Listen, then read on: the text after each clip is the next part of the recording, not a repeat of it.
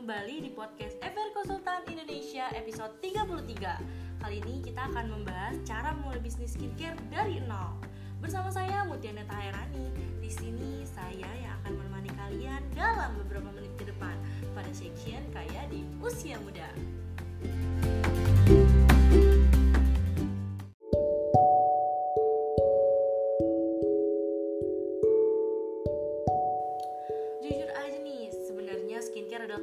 kebutuhan yang peminatnya semakin tinggi dari waktu ke waktu.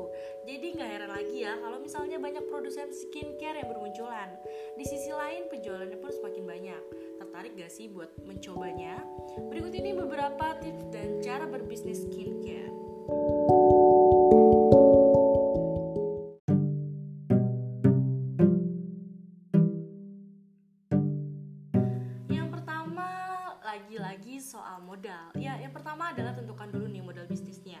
Hal yang pertama kamu lakukan adalah menentukan modal bisnis.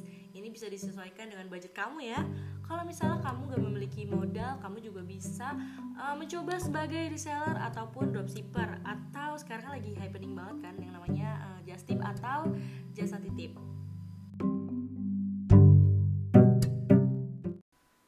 Kedua harus melakukan riset pasar. Sebenarnya sih ya, tips ini tuh merupakan tips yang dasar pada sebuah usaha, termasuk dalam bisnis skincare.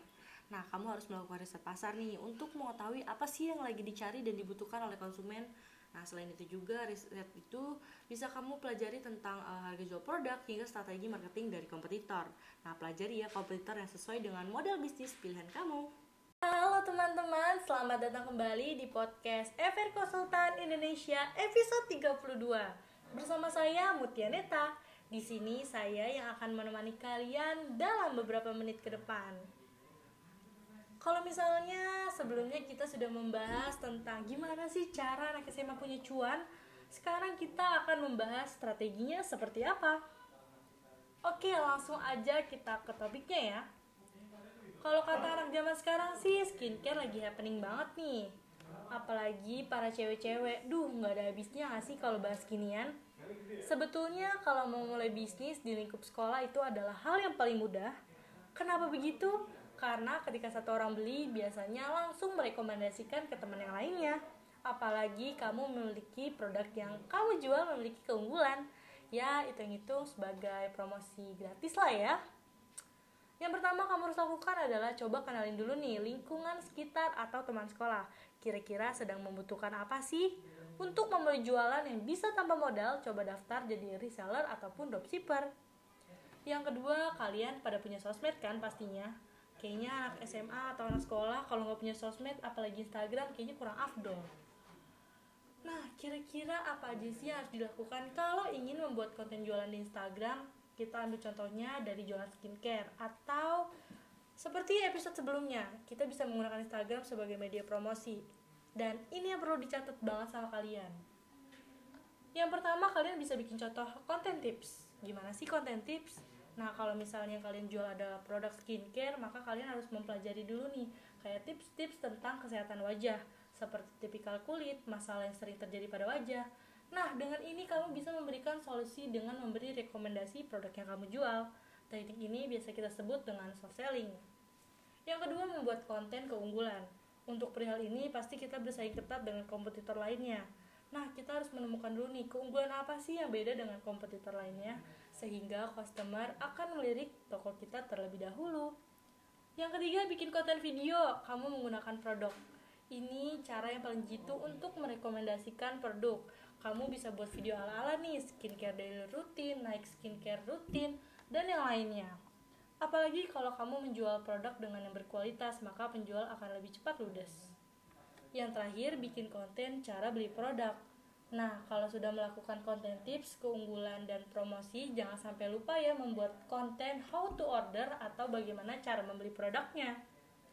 Kalau misalnya kamu membuat sistem order dengan WhatsApp, Shopee, ataupun marketplace lainnya, kamu bisa membuat link tokomu dan meletakkannya di bio Instagram agar customer tidak kesulitan saat ingin membeli produk yang kamu jual. By the way, thanks banget nih buat temen-temen yang udah dengerin podcast hari ini tentang strategi anak SMA punya cuan.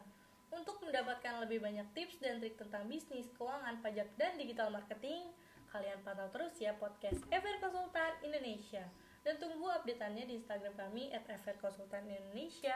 Oh iya, kalian juga bisa konsultasi gratis loh selama 20 menit pertama dengan menghubungi nomor 0813-8228-9991 atau mengunjungi website kami di frkonsultanindonesia.com Ngomong-ngomong, kalau berjualan di Shopee, Tokopedia, ataupun Bukalapak secara bersamaan, pasti kamu perlu tools dong untuk mengelola toko-toko online kamu. Atau mau gampangnya, kamu bisa menggunakan jasa admin sosial media dari FR Konsultan. Kalau proses metan sudah selesai, sekarang kita membahas ke promosi di sekitaran sekolah. Ini juga merupakan cara yang jitu. Ketika di sekolah, kamu bisa memanfaatkan madi sekolah sebagai promosi, kenapa tidak?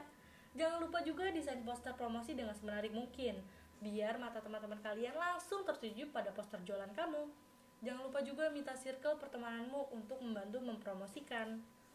Oh iya, kalau sekolahnya biasa selalu ada event atau kegiatan seperti persi, meeting kelas, dan yang lainnya, kamu juga bisa memanfaatkan event sekolah loh untuk ajang promosi sekaligus jualan. Biasanya ketika ada event tertentu, sebagian anak sekolah membawa uang lebih, jadi nggak ada salahnya ya kalau kamu ingin memanfaatkan momen tersebut. Jadi gimana untuk strateginya? Sangat mudah kan? Sekarang hanya satu pertanyaan. Kalian mau mulai atau tidak? Jadi jangan menunda waktu kesuksesanmu ya. Kalau dari masa sekolah sudah bisa sukses, kenapa harus menunggu dewasa dulu? Semoga bermanfaat. Oke, okay, next. Jika produk udah siap, sekarang saatnya kamu menyiapkan katalog produk. Ini sangat penting loh, terutama dalam bisnis skincare online. Jika katalog produk kamu tidak menarik, uh, tentu sih tidak banyak orang yang akan penasaran untuk mencoba produk kamu. Jadi siapkanlah foto yang paling menarik dan deskripsi produk yang jelas agar produk kamu dapat dengan mudah dipasarkan secara online. Oke, okay, next. Uh, di era digital sekarang, uh, banyak banget orang yang sudah uh, berkelimungan di dunia digital. Nah, ini saatnya kamu mulai mempromosikan produk kamu melalui media sosial. Jadi manfaatkan sosial media sebaik mungkin untuk mempromosikan bisnis produk perawatan kulit kamu. Kamu harus aktif di media sosial jauh hari sebelum produk kamu di launching. Nah selanjutnya setelah kita promosi di sosial media biar penjualan kamu menyebar luas gak hanya orang-orang terdekat saja aku menyarankan untuk buka di sebuah marketplace Eh, sebagai pemula kamu juga bisa membuka toko di marketplace. Tujuannya sih agar pembeli memiliki beberapa pilihan cara untuk bertransaksi. Sayangnya juga ada banyak potongan atau biaya yang harus dibayarkan penjual di marketplace. Uh, selain itu, kamu harus bersaing dengan toko lain yang menjual produk serupa. Sehingga hmm, gak jarang juga sih banyak yang menurunkan harga jual. Yang terakhir, terus berinovasi dengan produk kamu bisnis perawatan kulit ini kan luas banget. Ada banyak sekali macam produknya. Selain itu trennya juga sangat cepat banget berkembang dan berganti. Kamu harus terus berinovasi terus menciptakan produk baru yang dapat membantu berbagai macam permasalahan kulit. Semoga bermanfaat ya. By the way thanks banget nih buat teman-teman yang udah dengerin podcast hari ini tentang memulai bisnis skincare dari nol.